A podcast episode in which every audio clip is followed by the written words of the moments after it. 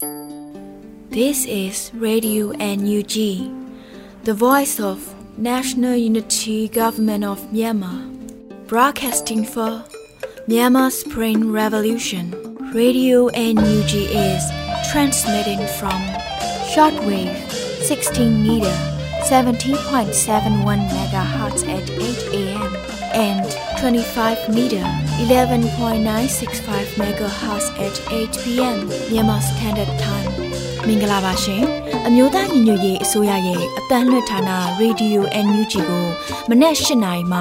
လိုင်းတူ16မီတာ19.87 MHz နဲ့ညပိုင်း၈နိုင်မှလိုင်းတူ25မီတာ17.665 MHz တို့မှာဓာတ်ရိုက်ဖမ်းယူနာဆင်နိုင်ပါပြီရှင် မင်္ဂလာအပေါင်းနဲ့ပြည့်စုံကြပါစေယခုအချိန်ကစပြီး Radio NUG ရဲ့အစီအစဉ်လေးကိုဓာတ်ရိုက်အတန်းလွှင့်ပေးနေပါပြီရှင်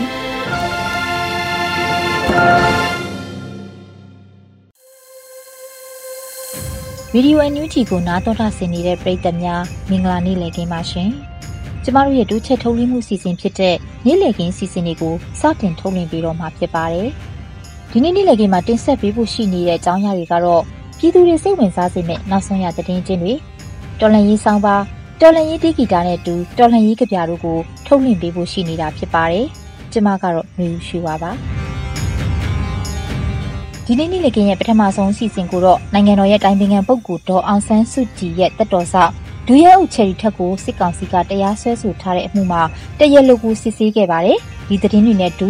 နောက်ဆုံးရသတင်းချင်းတွေကိုတော့ຫນွေဦးမှုမှဖတ်ကြားတင်ပြပေးမှာဖြစ်ပါတယ်ရှင်။ ဟုတ်ကဲ့ပါ။နေ့လည်ခင်းသတင်းများကိုတင်ဆက်သွားမှာဖြစ်ပါတယ်။နိုင်ငံတော်၏အတိုင်ပင်ခံပုဂ္ဂိုလ်ဒေါ်အောင်ဆန်းစုကြည်တက်တော်ဆောင်ဒူရဲအုပ်ချယ်ရီထက်ကိုစစ်ကောင်စီကတရားစွဲဆိုထားရမှာတရလိုကိုစစ်ဆေးခဲ့ကြပါတယ်။လူသိများတဲ့ဒုရဲအုပ်ချယ်ရီထက်ကိုရာဇသက်ကြီးဥပဒေပုံမှ905ကဖြင့်အာနာသိန်းအဖွဲ့ကတရားစွဲဆိုထားပြီးနိုဝင်ဘာလ3ရက်နေ့မှာတော့တရလိုကိုစစ်ဆေးခဲ့ကြပါတယ်။ရုံးချိန်မှာတရလိုဖြစ်သူစစ်ကောင်စီရဲဌာနမှ ဒုရဲမှုဇော်ဝင်းထွန်းအားစစ်ဆေးခဲ့ကြတာပါ။တရလိုမှဒုရဲအုပ်ချယ်ရီထက်ဤဖုန်းအားပွင့်ကြည့်ကထွက်ဆိုရန်ကြိုးပမ်းမှုကိုရှေ့နေများကကန့်ကွက်ခဲ့တော်လဲတရားသူကြီးကဖုံးအားဖွင့်ကြည့်ကထွက်ဆိုရန်ခွင့်ပြုပေးခဲ့ပါတယ်။ကိုရန်တော်တာဝန်ထမ်းဆောင်ခဲ့သည့်ဒုရဲအုပ်ချယ်ရီထက်အားစစ်ကောင်စီကစက်တင်ဘာ23ရက်ကဖမ်းဆီးကဇပူတီရီမြို့နယ်အမှတ်1ရဲစခန်းတွင် အမှုဖွင့်ခဲ့ကြတာပါ။အာနာသိမ့်ပြီးနောက်ပိုင်းကိုရန်တော်ချယ်ရီထက်ရဲ့တရင်တွေပျောက်ကွယ်ခဲ့ပေမဲ့ သူမဟာဖေဖော်ဝါရီ1ရက်နေ့စစ်တပ်အာဏာသိမ်းကဒေါ်အောင်ဆန်းစုကြည်အားဖမ်းဆီးပြီးနောက်မှစလို့စစ်ကောင်စီ၏ထိန်းချုပ်စောင့်ကြည့်မှုအောက်တွင်အကြယ်ချုပ်သဘောဖြင့်အမှုဖွင့်ဖမ်းဆီးသည့်အချိန်ထိနေထိုင်ခဲ့ရကြောင်းလည်းသိရပါတယ်။ဒုရဲအုပ်ချယ်ရီထက်ရဲ့ရှေ့နေများကပြောကြားရမှာရဲစီကံထိန်သိမ်းရေးအဥပဒေအရလည်းရဲခုံရုံးဖြစ်စစ်ဆေးခံခဲ့ရတယ်လို့ဆိုပါတယ်။ရဲခုံရုံးမှာပြစ်ဒဏ်ချမှတ်မှုရှိမရှိကိုတော့၎ င်းတို့အဖွဲ့ထံအတိပေးအကြောင်းကြားထားခြင်းမရှိသေးဘူးလို့ရှေ့နေများကဆိုပါတယ်ခင်ဗျာ။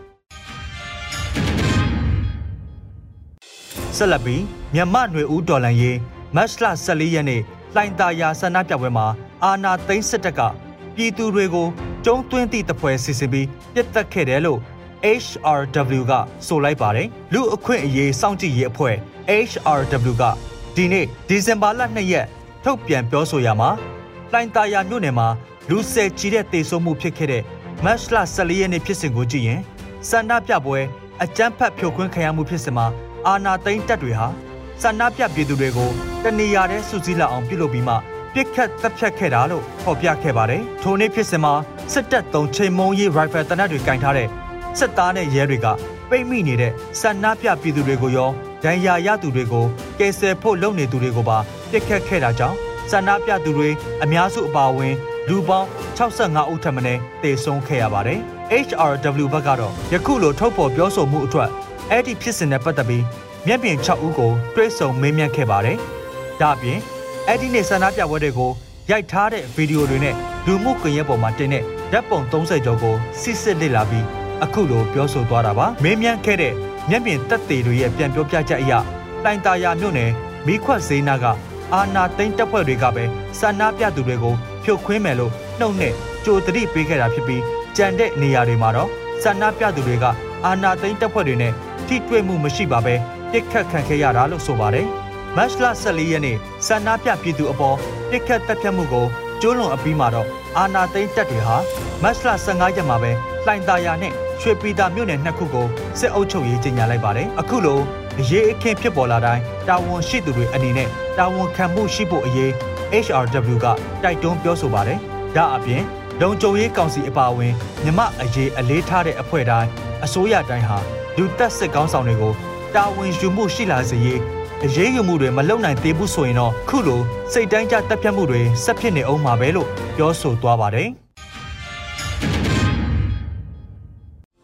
ဟုတ်ကဲ့နောက်ထပ်သတင်းတစ်ပုဒ်မှာတော့အာနာသိန်းစစ်ကောင်စီလက်အောက်မှာရှင်ပြိုင်မဲ့ အာဆီယံဆူဇူကီဖလားပြိုင်ပွဲကိုစင်ကာပူနိုင်ငံမှာကျင်းပဖို့ရှိပေမဲ့စင်ကာပူရောက်မြန်မာဘောလုံးပြည်သက်တွေအနေနဲ့အားပေးမှာမဟုတ်ဘူးလို့အသိပေးပြောဆိုလိုက်ပါတယ်မြန်မာဘောလုံးအသင်းဟာဒီဇင်ဘာ9ရက်နေ့မှာအင်ရှင်စင်ကာပူအသင်းနဲ့စတင်ကစားရမည်ဖြစ်ပါတယ်စစ်အာဏာသိမ်းမှုကိုလက်မခံသည့်အနေနဲ့စစ်ကောင်စီလက်အောက်ကျင်းပသည့်အဆိုပါဘောလုံးပွဲစဉ်ကိုမြန်မာအသင်းကစင်ကာပူမှာလာကစားရင်လည်းအားပေးကြမှာမဟုတ်ဘူးလို့စင်ကာပူရောက်မြမအတိုင်းဝိုင်းတွေကကြဲကြဲပြက်ပြက်တပိတ်ဖောက်နေကြပါတယ် ကျွန်ုပ်တို့ MF12 Group စင်ကာပူသည်မြန်မာဘောလုံးအသင်းများအားအဆင့်အမြဲအားပေးခဲ့ပါသည်စင်ကာပူမှာကျင်းပသည့်ပွဲများဆိုအိမ်ကွင်းနှင့်မချအားပေးကြရန်အစွမ်းကုန်လှုပ်ဆော်ခဲ့သည်ကိုသိကြမိထင်ပါသည်လက်ရှိဖြစ်ပေါ်နေသောမြန်မာနိုင်ငံ၏ပြည်တွင်းရေးအခြေအနေဖက်စစ်စစ်တပ်၏မတရားအာဏာသိမ်းမှုကိုလက်မခံနိုင်ပါသဖြင့်မြန်မာအသင်းဝင်ရောက်ရှိမြန်မီကိုပြင်းပြင်းထန်ထန်ကန့်ကွက်ပါသည်၁စင်ကာပူတွင်ကံမိမြန်မာဘောလုံးပွဲများအား ကျွန်ုပ်တို့လုံးဝအားပေးမည်မဟုတ်ပါနှစ်ကွင်းတို့တွားရောက်ပြီးဆန္ဒပြခြင်းလဲပြုလုပ်မည်မဟုတ်ပါစင်ကာပူ၏တင်းကျပ်သောဥပဒေများကြောင့်ဆန္ဒပြခြင်းများမပြုလုပ်ရန်တိုက်တွန်းလိုပါသည်ရရှိသောလက်မှတ်ဝေစုကုန်တီအထိအားပေးလေးရှိသောစင်ကာပူမှမြန်မာ12ရောက်မြောက်အားကစားသမားများကွင်းတွင်းမလာခြင်းသည်ပင်ဆန္ဒထုတ်ပေါ်ပြီးသားဖြစ်ပါသည်အာနာသိန်းစစ်ကောင်စီလက်ထက်တွင်မြန်မာဘောလုံးပွဲများကိုလုံးဝအားပေးမည်မဟုတ်ပါဆိုပြီးတော့ မြန်မာဘောလုံးအားကစား12ရောက်မြောက်ကစားသမားဆိုတဲ့မြန်မာ football 12 players အဖွဲ့ကဒီဇင်ဘာ1ရက်နေ့ရက်စွဲဖြင့်အသိပေးထုတ်ပြန်ထားပါတယ်ကျွန်တော်ຫນွေဦးမိုးပါခင်ဗျာ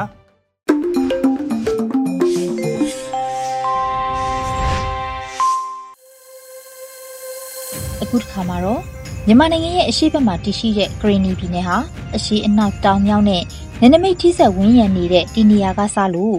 ပြည်နယ်အတွင်းမှာနေထိုင်ကြတဲ့တိုင်းရင်းသားလူမျိုးတွေထွက်ကုန်တွေနဲ့နောက်ဆုံးလက်နက်ဆွဲကင်ပြီးနိုင်ငံရေးလှုပ်ရှားမှုတွေမှာပါဝင်လာခဲ့တဲ့အကြောင်းကိုပြောပြထားတဲ့မောင်မောင်စုရဲ့ဂရီနီကရားပြည်နယ်မှတ်စုဆိုတဲ့စီစဉ်ကိုတော့ဟိန်းကူကူကဖတ်ကြားတင်ပြပေးမှာဖြစ်ပါတယ်။ကရင်နီကရားပြည်နယ်မှတ်စုမူလကရင်နီပြည်နယ်ဟာကရားပြည်နယ်လို့ပြောင်းလဲခေါ်ခဲ့ပါတယ်။သို့တော့ဒေသခံများက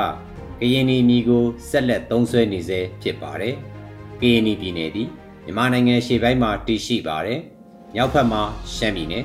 အရှေ့ဘက်မှာထိုင်းနိုင်ငံနဲ့တောင်ဘက်မှာကရင်ပြည်နယ်အနောက်ဘက်မှာနေပြည်တော်ပဲခူးတိုင်းတို့ဝင်းရံလျက်ရှိပါတယ်။မြို့တော်မှာလွိုက်ကော်မြို့ဖြစ်ပြီး2021ခုနှစ်မတ်လမှာကရားပြည်နယ်ရဲ့လူဦးရေမှာ2,9,923ဦး3သိန်းခန့်ဖြစ်ပါတယ်။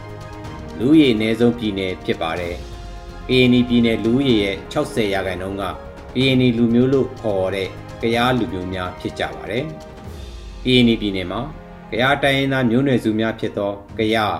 ကယန်းပတောင်ကယန်းလက်ထကယောရင်းပေါ်ရင်းတလဲဂေကိုဂေပါကရားမိုနုမနုမနောအပြင်ဗမာရှမ်းကရင်စတဲ့လူမျိုးများလည်းနေထိုင်ကြပါတယ်။ကရင်ပြည်နယ်သည်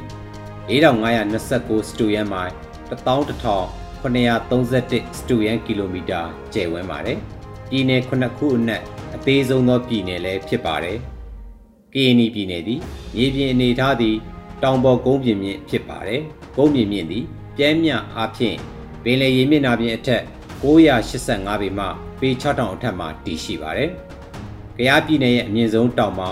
ဘော်ဒခဲခရိုင်ဖားဆောင်မြို့နယ်ရှိနက်တောင်ဖြစ်ပြီးအနိမ့်ဆုံးရက်ဒေသမှာဘော်ဒခဲခရိုင်ဖားဆောင်မြို့နယ်ဖြစ်ပါတယ်။ကယားပြည်နယ်မှာအထူးထင်ရှားတဲ့မြစ်ကတန်လွင်မြစ်ဖြစ်ပြီးရှားရော့မြို့ရွာတစ်မြို့ဖားဆောင်မြို့နီးမှဖြတ်ပြီးမြောက်မတောင်သို့စီးဆင်းလျက်ရှိပါတယ်။ကယားပြည်နယ်မှာခရိုင်နှစ်ခုနဲ့မြို့နယ်ခုနှစ်ခုရှိပါတယ်။တစ်ရိုက်ကော့ခရိုင်မှာရိုက်ကော်မြို့နယ်ဒီမော့ဆိုမြို့နယ်ဖရူဆိုမြို့နယ်ရှားရောမြို့နယ်တို့ပါဝင်ပါတယ်နှစ်ဘော်လခဲခရိုင်မှာဘော်လခဲမြို့နယ်ဖားဆောင်မြို့နယ်နဲ့ မဲဆက်မြို့နယ်တို့ပါဝင်ပါတယ်2021ခုနှစ်မှာ PNI ပြည်နယ်မှာမြို့နယ်9ခုမြို့ပေါင်း12မြို့ရက်ကွက်52ရက်ကွက်ကျေးရွာအုပ်စု84အုပ်စုနဲ့ရွာပေါင်း930ရွာရှိပါတယ်။ကြားပြည်နယ်ဟာမြန်မာနိုင်ငံအတွင်းစီးပွားရေးဖွံ့ဖြိုးမှုနှေးကွေးတဲ့ပြည်နယ်ဖြစ်ပါတယ်။ပြည်နယ်နေလူထုကစိုက်ပျိုးရေးကိုအဓိကထားပြီးလုပ်ကင်ကြပါတယ်။ပြည်နယ်ရဲ့အဓိကထွက်ကုန်တွေကတော့ပြောင်းနဲ့ပဲစင်ငုံတို့ဖြစ်ပါတယ်။ အဓိကသီးနှံ10မျိုးဖြစ်စပါးပြောင်းမြေပဲနှမ်းနေကြပဲဒီစိမ်းမတ်ပဲပဲစင်ကိုကြံနဲ့ဝါတို့ကိုစိုက်ပျိုးကြပါတယ်။နှစ်ရှည်သီးနှံအနေနဲ့ကော်ဖီလက်ဖက်ငှက်ပြောတရက်စီလိမ္မောငကမောက်နနက်တညင်းလိုက်ချီနဲ့ထောပတ်ပင်တို့ကိုစိုက်ပျိုးကြပါတယ်။နယ်ဆဲမြို့မှာနယ်ဆက်ကုံသေးစကန်ကိုဖွင့်လှစ်ထားတော့လဲ ထိုင်းနိုင်ငံဘက်ကပုံသွယ်ရေးစကန်တရားဝင်ဖွင့်လှစ်ထားခြင်းမရှိတဲ့အတွက်ပုံသွယ်မှုမှာမကောင်းပါမှာစီးပွားပြည့်ထုတ်လုပ်နိုင်တဲ့စကြင်ကြောင်းနဲ့တပ်ထုရင်းများလည်းရှိပါတယ်။ကရင်ပြည်နယ်နဲ့လက်နက်ကင်တိုက်ပွဲများအနေနဲ့ကရင်ပြည်နယ်သည်လက်နက်ကင်တော်လန်ပုံကံမှုနဲ့မစိမ့်တဲ့ပြည်နယ်ဖြစ်ပါတယ်။လွတ်လပ်ရေးရပြီးမကြမီ1949ခုနှစ်ကစပြီးလက်နက်ကင်တိုက်ပွဲများဖြစ်ပွားခဲ့ပါတယ်။နှစ်ပေါင်းများစွာလက်နက်ကင်တိုက်ခတ်မှုများအတွင်းအနှိမ့်အမြင့်အ တက်အကျများစွာကြုံခဲ့ကြရပါတယ်။1990ခုနှစ်အလွန်တွေမှာကရင်နီလက်နက်ကင်အဖွဲ့များငင်းငယ်ရေးယူတာကိုတွေ့ရပါတယ်။နဝတအစိုးရခေတ်စည်းများရအောက်ပါအတိုင်းတွေ့ရပါတယ်။၁ဂေဘရယ်ပြန်အဖွဲ့အင်အား80 28ရက်2လ1992မှာမိုးပြဲဖဲကုံဒေသမှာလက်နက်အပ်ပါတယ်။နှစ်ကလလတကရင်နီလူမျိုးပေါင်းစုံပြည်သူ့လွတ်မြောက်ရေးတပ်ဦးအင်အား 1619ဦး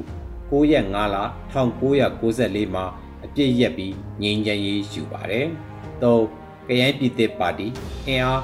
1496ဦး26ရက်9လ1994မှာအပြည့်ရက်ငြိမ်းချမ်းရေးယူပါတယ်။၄ KNPP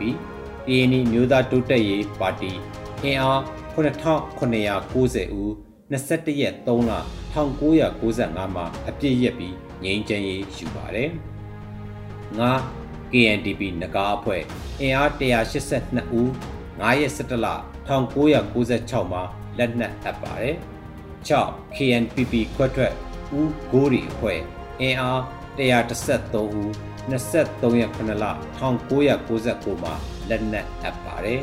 ။လက်ရှိထိုအဖွဲ့များထဲမှ၃ဘွဲကတော့ရက်တီနေစေဖြစ်တာကိုတွေ့ရပါတယ်။ KNPP ကလက်ရှိအချိန်မှာ bilateral ထိုးထားတော်လဲ NCA ထိုးထားခြင်းမရှိတဲ့အပြင် KNDF နဲ့တွဲပြီးပြန်လည်တိုက်ခိုက်နေတာကို တွေ့ရပါတယ်။သို့သော KNPP က1994အပြည့်ရဲ့ချိန်ထက်အင်အားများစွာရော့နေသွားတာကို တွေ့ရပါတယ်။2021ခုနှစ်အစောပိုင်းမှာအနည်းဆုံးအင်အား1500ထက်ရှိတယ်လို့ခန့်မှန်းကြပါတယ်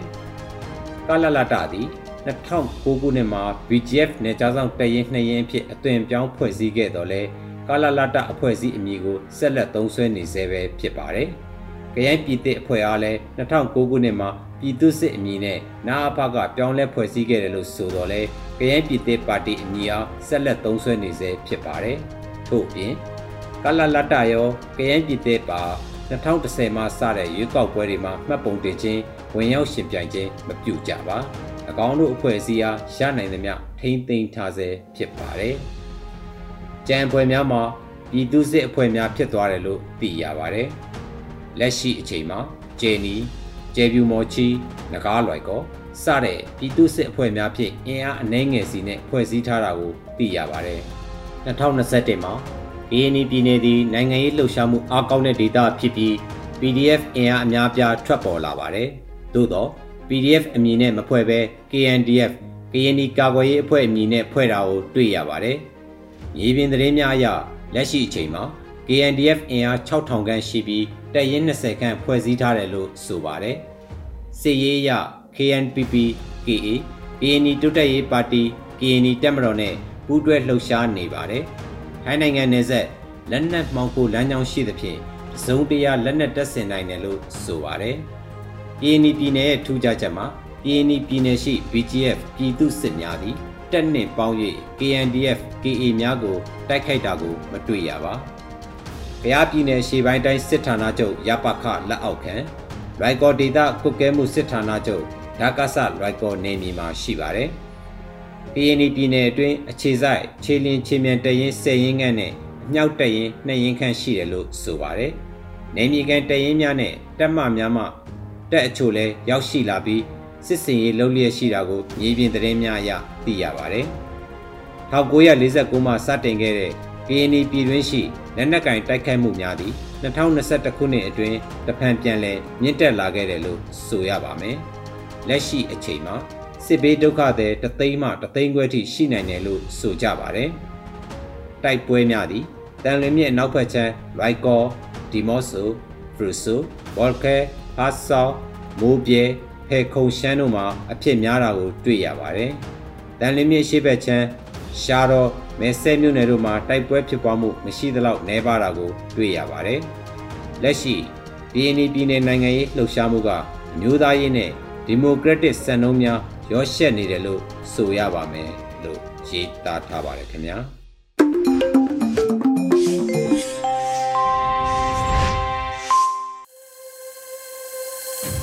Radio NUG ရဲ့နေ့လည်ခင်းစီစဉ်လေးကိုဆက်လက်တင်ပြနေပါတယ်။ဒီတစ်ခါမှာတော့ညနှင်းရည်လွင်ရဲ့ကျောင်းတကားတွေဖွင့်တော့ကွယ်ဒါမှမဟုတ်2021 finish ဆိုတဲ့တော်လှန်ရေးကြပြကိုနားဆင်ကြရမှာဖြစ်ပါတယ်။ကျမကတော့ညာနေနေမှာဒီခေတ်အဆက်ဆက်ကအာနာရှင်ကိုတော်လှန်ရင်းနဲ့ကြာဆုံးခဲ့ကြတဲ့ရဲဘော်တွေចောင်းသားလူငယ်တွေနဲ့အခုလက်ရှိမှာလည်းတော်လှန်နေတဲ့ဒီ ရဲဘော်တွေចောင်းသားလူငယ်တွေကိုဂုဏ်ပြုသောအားဖြင့်ကျမအနေနဲ့ကြပြတပုတ်ရွတ်ဖတ်ချင်ပါတယ်နားထောင်ပေးပါကျောင်းတကားတွေဖွင့်တော့ကွယ်သူမဟုတ်2021 Phoenix ရာဇဝင်ထဲမှာမီးလျံထဲကနေရုံးကန်ပြန်ထ Phoenix ငှက်ပဲရှိတဲ့တာငါတို့ရှိတယ်မြမပြည်မှာရှိပါတယ်ခွတ်ဒေါင်းဆိုတာမီးလျံမှမကကြည်စံတွေကြားသွေးအိုင်ကြား အကျဉ်းချင်းအခါခါပြန်ယုံထပြီးမီးဟုံဟုံတောက်နေတဲ့နိုင်ငံတော်ကိုတော်လှန်သောပခုံးသားတွေနဲ့ခေတ်အဆက်ဆက်ထမ်းပိုးနေတဲ့မင်းတို့ဟာငါတို့ဟာမြမပြည်ကကြောင်းသားတွေပါပန်းပွင့်လိုလက်ဘွားဒါပေမဲ့တမဏိလိုစိတ်ထားနဲ့စစ်နက်ဘုရားတွေကိုခြောက်ချားစီတယ်မတရားမင်းအဆက်ဆက်ကိုပလင်ထက်ကဆွဲချခဲ့ကြတယ်အညာတရလူစွမ်းကောင်းတွေ နိုင်ငံတော်သွားရလမ်းကိုသူတို့သွေးနဲ့လမ်းခင်းခဲ့ကြအဖိုးအခအဖြစ်အသက်ရောဝိညာဉ်မှာပေးအပ်ခဲ့ကြတာတန်ရန်လားကလေးတို့တခင်အောင်ဆန်းတခင်ဘာဟင်းတခင်နုအစရှိသဖြင့်သူတို့ငယ်ခဲ့ကြတယ်သူတို့စွန့်ခဲ့ကြတယ်သူတို့တက်တိသူတို့အစင်အလာသူတို့သွေးချွေးလက်ဆင့်ကမ်းတဲဆောင်ကြောင်းခေါင်းလောင်းတန်တွေတဝေဝေညီလေတိုင်း ငါတို့တမိုင်းမှာလဲလူငယ်တွေပဲကိုင်းဆိုင်စရာရှိခဲ့တယ်။ကျောင်းဆိုတာပညာဆိုတာအမှန်ကိုသိဖို့ဓမ္မကိုမျက်နှိုးဖို့တဲ့လူငယ်တွေဟာအဲ့ဒါလိုသင်ကြားခဲ့တာ။ဒါပေမဲ့စစ်အာဏာရှင်ဘလူးဟာအတ္တမမုံတိုင်းစစ်စစ်ဖက်နှက်ကိုကစုံဆိုင်နေပြီးအမှန်တရားရဲ့လင်းမျိုးကိုတက်နေနိုင်ငံတော်ကိုအမှောင်တူတဲ့တက်ဆင်းစီရဲ့အဲ့ဒါလိုနဲ့မုတ်ဆိုးတစ်ခေတ်ကိုရောက်ခဲ့ရတယ် လူငယ်တွေဟာပြည်သူတွေဟာငါတို့ဟာလူသားဖြစ်တယ်ငါတို့ဟာလူသားစစ်စစ်ဖြစ်တယ်လို့တဖွဖွရည်ရွယ်အတ္တမရဲ့တားကောင်ဘဝကိုခြေချွတ်ဖို့တမိုင်းကပေးတဲ့တောင်းရခွတ်တောင်းဟာပြန်လဲယုံထလာခဲ့ရမုတ်ဆိုးရာဒီကုံခဲ့ပြီလို့ဘသူပြောလဲလေးနဲ့များမလိုတော့ဘူးလို့ဘသူပြောလဲဟောဒီရင်ကျေးပါတယ်ဆိုတဲ့ကဘာကြီးမှာလက်နက်ကရိုင်းဆိုင် အဝိဇ္ဇာမှိုင်းနေနေတဲ့လူရိုင်းတစုရှိနေသေးတယ်ငါတို့နဲ့မှတိုက်တိုက်ဆိုင်ဆိုင်ငါတို့ခစ်ကြမှတိုက်တိုက်ဆိုင်ဆိုင်တတို့တွေနဲ့မှမျက်နှာချင်းဆိုင်တွေ့ရပြန်တယ်ငါတို့ကနိုင်ငံတော်ကိုလူစင်မှီစေချင်တာငါတို့မျိုးဆက်ကိုလူရဝင်စေချင်တာငါတို့တမိုင်းကိုမရိုင်းစေချင်တာတစ်ပင်ကို၌ကနေရာလွဲနေမှာအဖိုးအကင်းတွေလည်းဘမဖြစ်ထွန်းနိုင်မှာဒီတော့ နိုင်ငံတော်အတွက်ဆိုအသက်ကိုလည်းဘာမထီးရဲ့လွန်ခဲ့တဲ့နှစ်20ကတေးသွားခုထိဆက်လက်ပြီးဆိုနေရတော့မှမို့လားဘယ်တက်နိုင်မလဲနောက်မျိုးဆက်တွေလွတ်လပ်မှုဓာတ်လူညီမျှမှုနဲ့တရားမျှတမှုစာပေဂီတအမှုပညာချစ်ချင်းမေတ္တာနဲ့ဉာဏ်ပညာလွတ်လပ်စွာဖန်တီးဖို့လွတ်လပ်စွာခံစားဖို့ငါတို့လေးနဲ့များကိုကန်ရဲ့ငါတို့စစ်အတက်ကိုတင်ခဲ့ ငါတို့ဘဝနဲ့အသက်ကိုစွန့်ခဲ့အဲ့ဒီလိုစိတ်နဲ့ပဲကျောင်းတော်ကိုစွန့်ခွာခဲ့ကြအဲ့ဒီလိုစိတ်နဲ့ပဲတောနတ်တွေလည်းတောတိုးဝင်ခဲ့ကြ1988မှာ2021အထိပေတရာပေါ်မှာစီးတဲ့သွေးတွေမချောက်သေးဘူးမှအာနာရှင်တိုက်ဖြတ်ကြမယ်အလိုမရှိအထိအာဇာနည်မတ်ဝင်းမော်ဦးမတီအာဇာနည်မတ်ကျေစင်အထိကျေလေးတွေလိပ်ပြလို့မှုရည်ရွယ်ပြီး နိုင်ငံတော်ရဲ့လွတ်လပ်မှုနဲ့ဂုဏ်သိက္ခာကိုတင်းတက်နေတဲ့မြာနိုင်ငံတော်ကိုတစားစီဖြုတ်ချပြည်တော်စုကြက်တရေခန်းကိုအမှောင်ကျစီတဲ့လူမျိုးကြီးဝါဒများနိုင်ငံတော်ကိုစူးစူးတက်တဲ့အစင်းစင်းခနေတဲ့ကကြီးသုံးပါမြားတွေကိုလူငယ်တွေရဲ့အသက်ဝင်နေအနာဂတ်တွေကသွေးအလိမ့်လိမ့်နဲ့စူးလို့ထွင်ပြစ်နေကြကြတနေ့တော့တနေ့ကြတော့ပေါ့ အဲ့ဒီအေးဆက်ဆက်အမောင်တို့လွင်ပါခြင်းအဲ့ဒီထူပိမ့်ပိမ့်အမိုက်တိုက်ဖယ်ရှားပြီးခြင်းငွေဥပေါက်ငွေဥပေါက်ခဲ့ပေါ့တဲ့ရွက်တွေလည်းပြန်လဲစိမ့်လန်းအေးခဲနေတဲ့တန်တရားပဲအုံမိုင်းနေတဲ့အာဃာတတွင်းထွေးနူးညံ့တဲ့နေအောင်ကြီးအောက်မှာအရေးပြောပြက်ပြဲနိုင်ငံတော်ဟာလည်းလွတ်လပ်တဲ့တန်ရိုင်းပွင့်နေရောအစကနေအစ်စ်ပြန်ပွင့်ဒီနေ့ပေါ့လေ အဲ့အချိန်ကြတော့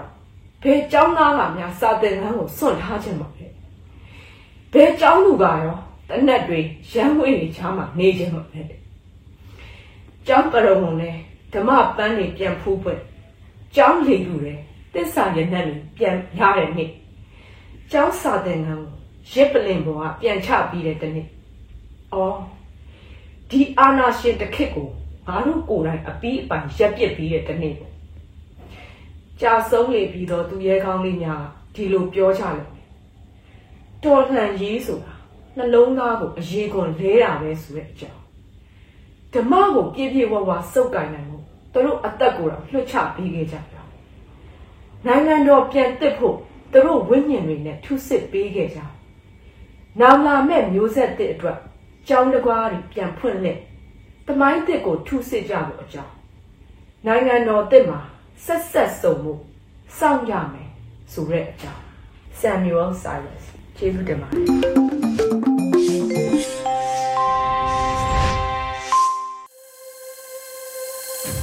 ဒီတစ်ခါမှာတော့အမေရိကန်မျိုးသမီးတွေကကျွန်းစနစ်ကိုတိုက်ဖြတ်တဲ့နေရာမှာစတင်ဆောင်ရွက်ခဲ့တာဖြစ်တယ်လို့အထူးသဖြင့်ရပိုင်ခွင့်တွေကိုအသုံးချပြီးတော့အမျိုးသားတွေနဲ့တန်းတူခွင့်ရေးမရခဲ့တဲ့အမေရိကန်အမျိုးသမီးတွေဟာ သူတို့ရဲ့အခွင့်အရေးတွေကိုလူချင်းနဲ့ပန်းတိုင်ရောက်အောင်ရှောက်လှမ်းခဲ့ကြပါတယ်။မိမိရဲ့ယုံကြည်ချက်ကိုဇွဲသက်တီးနဲ့မစုံမနစ်ဆွဲကင်ပြီးရှောက်လှမ်းကြဖို့ရည်ညွှန်းထားတဲ့ထိန်လင်းရဲ့ငါတို့မှာငါတို့ရှိတယ်ဆိုတဲ့အပေါင်းပါအပိုင်းသုံးကိုနားဆင်ကြရတော့မှာဖြစ်ပါတယ်။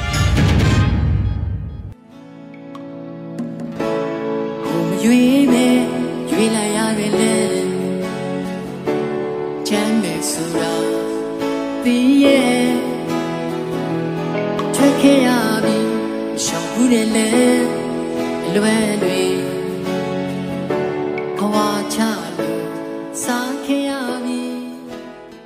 တို့မှာငါတို့ရှိတယ်။ဆောင်းမအမှတ်3ဖြစ်ပါတယ်။ကျွန်တော်ကထိန်လင်းပါ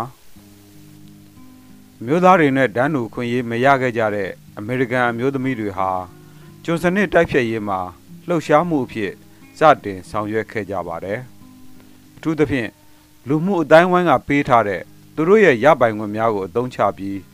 လူပြူလူမဲအမျိုးသမီးများစွာက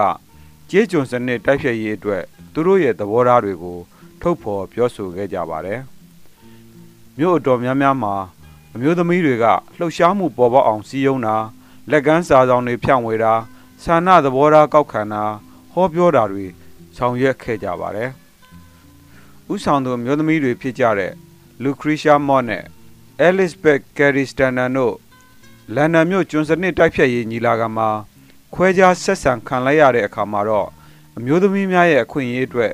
တိုက်ပွဲဝင်ဖို့ဆုံးဖြတ်ချက်ချခဲ့ကြပါတယ်။သူတို့နှစ်ဦးနဲ့တခြားမျိုးသမီးတွေဥဆောင်ပြီး1848ခုနှစ်ဇဇူလိုင်လ19ရက်နေ့မှာစင်နီကာဖော့စ်ညီလာခံကိုကျင်းပခဲ့ကြပါတယ်။ညီလာခံကိုအမျိုးသားအယောက်40အပါအဝင် လူ300လောက်တက်ရောက်ခဲ့ပါတယ်။ဒီညီလာခံဟာအမျိုးသမီးများရဲ့အခွင့်အရေးအတွက်ကျင်းပတာဖြစ်တာကြောင့်ကျွန်းစနစ်တိုက်ဖြတ်ရေးအတွက်လှုပ်ရှားဆောင်ရွက်နေသူတွေကိုယ်တိုင်ကအရေးတယူမရှိတာတွေ ကြုံခဲ့ရပါတယ်။သတင်းစာတွေကလည်းအဲ့ဒီညီလာခံကိုဟာသတစ်ခုလိုသဘောထားခဲ့ကြပါတယ်။အမျိုးသားတွေကအဲ့ဒီလိုပြည့်ရပြုတ်နေကြပေမဲ့ညီလာခံမှာမဲပေးခွင့်ဆုံးဖြတ်ချက်ကလွဲလို့ပစ္စည်းဥစ္စာပိုင်ဆိုင်ခွင့်ပညာသင်ယူခွင့်တရားရင်ဆိုင်ခွင့်စတဲ့အချက်၁၁ချက်ကိုအတည်ပြုနိုင်ခဲ့ပါတယ်။ပြည်တွင်းစစ်စတင်ဖြစ်ပွားလာတဲ့အခါမှာလဲအမျိုးသမီးတွေကကျွန်းစနစ်ပပျောက်ရေးနဲ့အရက်ဆန့်ကျင်ရေးလှုပ်ရှားမှုတွေကို ဆက်လက်ဆောင်ရွက်ခဲ့ကြပါတယ်။အရက်ဆန့်ကျင်ရေးကိုလှုပ်ဆောင်ရခြင်းကအရက်အလွန်ကျွံတောက်တဲ့ခမွန်းတယ်တွေကြောင့်ခက်ခဲစွာရင်ဆိုင်ဖြတ်တန်းခဲ့ရတဲ့အမျိုးသမီးများရဲ့ဘဝတွေကိုခြေခံပြီးပေါ်ပေါက်ခဲ့တာဖြစ်ပါတယ်။19ရာစုအတွင်းပေါ်ပေါက်ခဲ့တဲ့အဲ့ဒီလှုပ်ရှားမှုကအရက်ရောင်းချမှုပိတ်ပင်ရေးအထိကြိုးပမ်းခဲ့ကြပါတယ်။အရက်ဆန့်ကျင်ရေးလှုပ်ရှားမှုနဲ့မဲပေးခွင့်ရရှိရေးလှုပ်ရှားမှုတွေကိုတွဲဖက်ဆောင်ရွက်လို့ကြုံရတဲ့ဆိုးကျိုးတချို့လည်းရှိပါတယ်။ အထူးသဖြင့်အရက်လုပ်ငန်းရှင်တွေကအမျိုးသမီးတွေသာမဲပေးခွင့်ရခဲ့ရင်အရက်တောက်သုံးခွင့်ကိုဆန့်ကျင်တဲ့ဥပဒေတွေပြဋ္ဌာန်းလာနိုင်တဲ့အတွက်အမျိုးသမီးတွေရဲ့မဲပေးခွင့်ကိုပါဆန့်ကျင်ခဲ့ကြပါတယ်။ပြည်တွင်းစစ်ကြီးပြီးတဲ့အခါလူမဲမျိုးသားတွေမဲပေးခွင့်ရခဲ့ပေမဲ့အမျိုးသမီးတွေမဲပေးခွင့်မရခဲ့ပါဘူး။ဒါကြောင့်အမျိုးသမီးများမဲပေးခွင့်ရရှိရေးကြိုးပမ်းသူများနဲ့ဒန်းတူအခွင့်အရေးအတွက်ကြိုးပမ်းသူများအဖြစ်အုပ်စုနှစ်စုခွဲပြီး ဆောင်ရွက်ခဲ့ကြပါတယ်။ကြိုးပမ်းမှုတွေရဲ့ရလဒ်အဖြစ်ပစ္စည်းဥစ္စာပိုင်ဆိုင်ခွင့်စာချုပ်စာတမ်းများမှာလက်မှတ်ထိုးခွင့်တွေရရှိလာခဲ့ပေမဲ့မဲပေးခွင့်မရသေးတဲ့အတွက်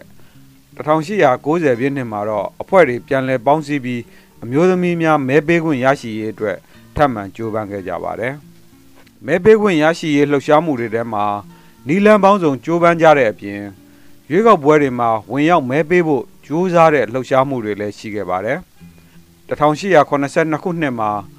ဆူဇန်ဘီအန်တိုနီဦးဆောင်တဲ့အမျိုးသမီးအုပ်စုကနယူးယောက်ပြည်နယ်ရော့ချက်စတာမြို့မှာမဲပေးခွင့်မှတ်ပုံတင်ပြီးမဲပေးခဲ့ကြပါတယ်။သုံးပတ်လောက်ကြာတဲ့အခါတရားမဝင်မဲပေးတဲ့ပြစ်မှုနဲ့သူမကိုဖမ်းဆီးခဲ့ပါတယ်။တရားခွင်ကိုရောက်တဲ့အခါတရားသူကြီးကသူမကိုပြောဆိုခြေပခွင့်မပေးတဲ့အပြင်သူမအပြစ်ရှိကြောင်းဂျူရီလူကြီးတွေဆုံးဖြတ်အောင်လဲ ညွှန်ကြားခဲ့ပါတယ်။1900ပြည့်အစောပိုင်းနှစ်တွေမှာတော့မဲပေးခွင့်လှုပ်ရှားသူတွေလမ်းပေါ်ထွက်လာခဲ့ပါတယ်။အမေရိကန်မြို့ကြီးတော်တော်များများမှာလူများစွာပါဝင်တဲ့လမ်းလျှောက်ချီတက်ပွဲတွေပေါ်ပေါက်လာခဲ့ပါတယ်။ဆန္ဒပြအမျိုးသမီးအများစုကအဖြူရောင်ဝတ်စုံတွေဝတ်ဆင်လေးရှိပြီးတောင်းဆိုချက်ပိုစတာတွေကင်ဆွဲခြင်းမြင်းများစီးခြင်းတေဂီတာဖျော်ဖြေခြင်းတို့နဲ့လူမှုစိတ်ဝင်စားအောင် လှုပ်ဆောင်လာခဲ့ကြပါတယ်။ဆန္ဒပြပွဲတွေဟာလူပေါင်းထောင်တောင်းချီတဲ့အထိကြီးမားလာခဲ့သလိုယာနဲ့ချီတဲ့သူတွေလည်းအဖမ်းခံခဲ့တရားစွဲခံခဲ့ကြရပါတယ်။ဖမ်းဆီးပြီးပြည်ဒဏ်ချမှတ်တဲ့အခါအမျိုးသမီးလှုပ်ရှားသူများကဒဏ်ကြီးပေးဆောင်ခြင်းအစားထောင်ဒဏ်ကိုသာရွေးချယ်ပြီးဆန္ဒထုတ်ဖော်ခဲ့ကြပါတယ်။အဲ့ဒါလိုကြိုးပမ်းမှုတွေကြောင့်တဖြည်းဖြည်းပြည်내တချို့မှာအမျိုးသမီးများဆန္ဒမဲပေးခွင့်ရလာခဲ့ပါတယ်။ အခြားတစ်ဖက်မှာတော့အမျိုးသမီးတွေဟာအမျိုးသားတွေလိုပဲလူမှုပတ်ဝန်းကျင်ကိုအထောက်ပံ့ပေးနိုင်သူတွေဖြစ်ကြောင်းဖော်ပြဖို့ကြိုးပမ်းခဲ့ကြပါတယ်။ဥပမာအားဖြင့်1918ခုနှစ်ဧပြီလအတွင်းအမေရိကန်ကပထမကမ္ဘာစစ်ထဲဝင်ရောက်တဲ့အခါအမျိုးသမီးတသန်းကစစ်တွင်းအလုစခန်းတွေမှာဝင်ရောက်လို့အားပေးခဲ့ကြပါတယ်။1918ခုနှစ်ဇန်နဝါရီလမှာသမရဝီဒိုဝေဆန်ကအမျိုးသမီးများမဲပေးခွင့်ဥပဒေမူကြမ်း လွှတ်တော်ကိုတင်သွင်းတဲ့အခါအောက်လွှတ်တော်ကအတည်ပြုခဲ့ပေမဲ့အထက်လွှတ်တော်မှာကန့်ကွက်မဲကအနိုင်ရခဲ့လို့အတည်မပြုနိုင်ဖြစ်ရပါတယ်။ဒါကြောင့်အဲ့ဒီနှစ်ပြုလုပ်မဲ့ရွေးကောက်ပွဲမှာဥပဒေကိုထောက်ခံမဲ့ကိုယ်စားလှယ်တွေအရွေးခံရရေးအတွက်အမျိုးသမီးအဖွဲ့တွေကကြိုးပမ်းကြရပြန်ပါတယ်။အဲ့ဒါလိုအားထုတ်မှုတွေကြောင့်1920ပြည့်နှစ်မှာအမေရိကန်ပြည်ထောင်စုကပြည်내အားလုံးအမျိုးသမီးများမဲပေးခွင့်ရရှိခဲ့ပါတယ်။အ မေရိကန်အမျိုးသမီးများကနိုင်ငံရေးမှာပါဝင်ခွင့်လုပ်ငန်းခွင်တွင်ဒန်းတူရရှိခွင့်စစ်မှုထမ်းခွင့်အစရှိတဲ့အခွင့်အရေးတွေရရှိဖို့ဆက်လက်တိုက်ပွဲဝင်ခဲ့ကြပါတယ်။ကိုလိုချင်တဲ့ဘန်းနိုင်ကိုမဆုတ်မနစ်အရောက်သွားကြမယ်ဆိုရင်တစ်ချိန်မှာအောင်မြင်မှုမလွဲမသွေရရှိတယ်ဆိုတာကို အမေရိကန်မျိုးသမီးများရဲ့ကြိုးပမ်းမှုမှတ်တမ်းများကသက်သေပြနေပါတယ်။ယုံကြည်ချက်နဲ့ဇွဲတတ္တိကိုဉာဏ်ပညာ သွေးစည်းညီညွတ်မှုတွေနဲ့ပေါင်းစပ်ရင်အရာရာကိုကျော်လွှားနိုင်ပါလိမ့်မယ်။မစိုးရိမ်ပါနဲ့ငါတို့မှာငါတို့ရှိပါတယ်အနုထဲကိုင်းတဲ့လက်တွေကိုအရိုင်းမြေမှာအချဲတွေကိုင်းစေရင်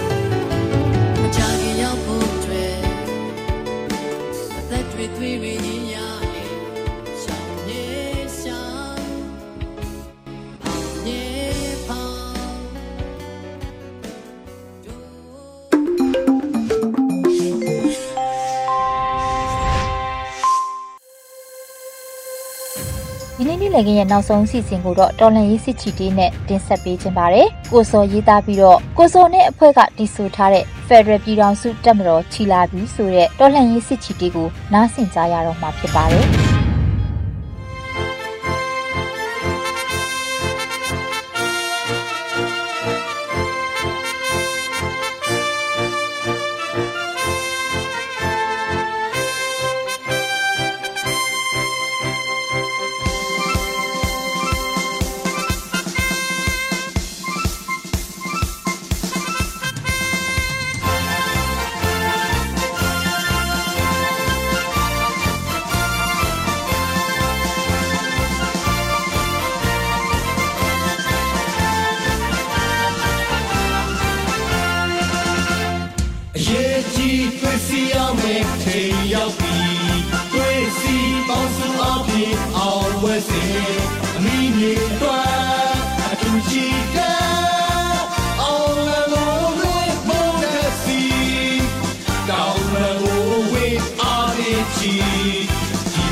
democracy, democracy, democracy, democracy. Petrokino lub Petrokino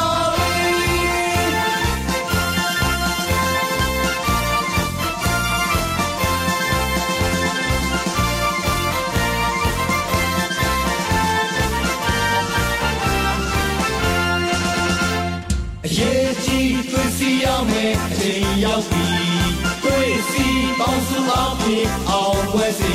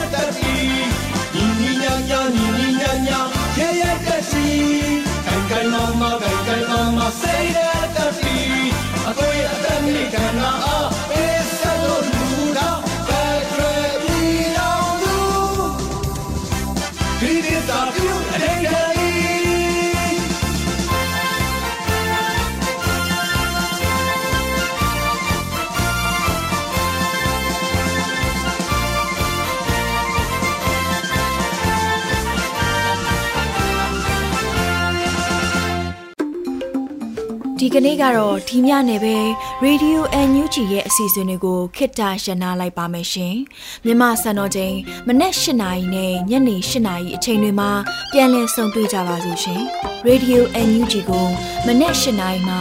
လိုင်းတူ16မီတာ19.87 MHz နဲ့ညပိုင်း၈နာရီမှာလိုင်းတူ25မီတာ17.665 MHz တို့မှာဓာတ်ရိုက်ဖမ်းယူနာဆင်နိုင်ပါပြီရှင်။ မြန်မာနိုင်ငံသူနိုင်ငံသားများကိုစိတ်နှဖျားစမ်းမချမ်းသာပြီးဘေးကင်းလုံခြုံကြပါစေလို့ Radio NUG အဖွဲ့သူအဖွဲ့သားများကဆုတောင်းလိုက်ရပါတယ်ရှင်။ San Francisco Bay Area အခြေဆိုင်မြန်မာမိသားစုများနဲ့နိုင်ငံတကာကစေတနာရှင်များလှူအားပေးများရဲ့ Radio NUG ဖြစ်ပါတယ်ရှင်။အရေးတော်ပုံအောင်ရမည်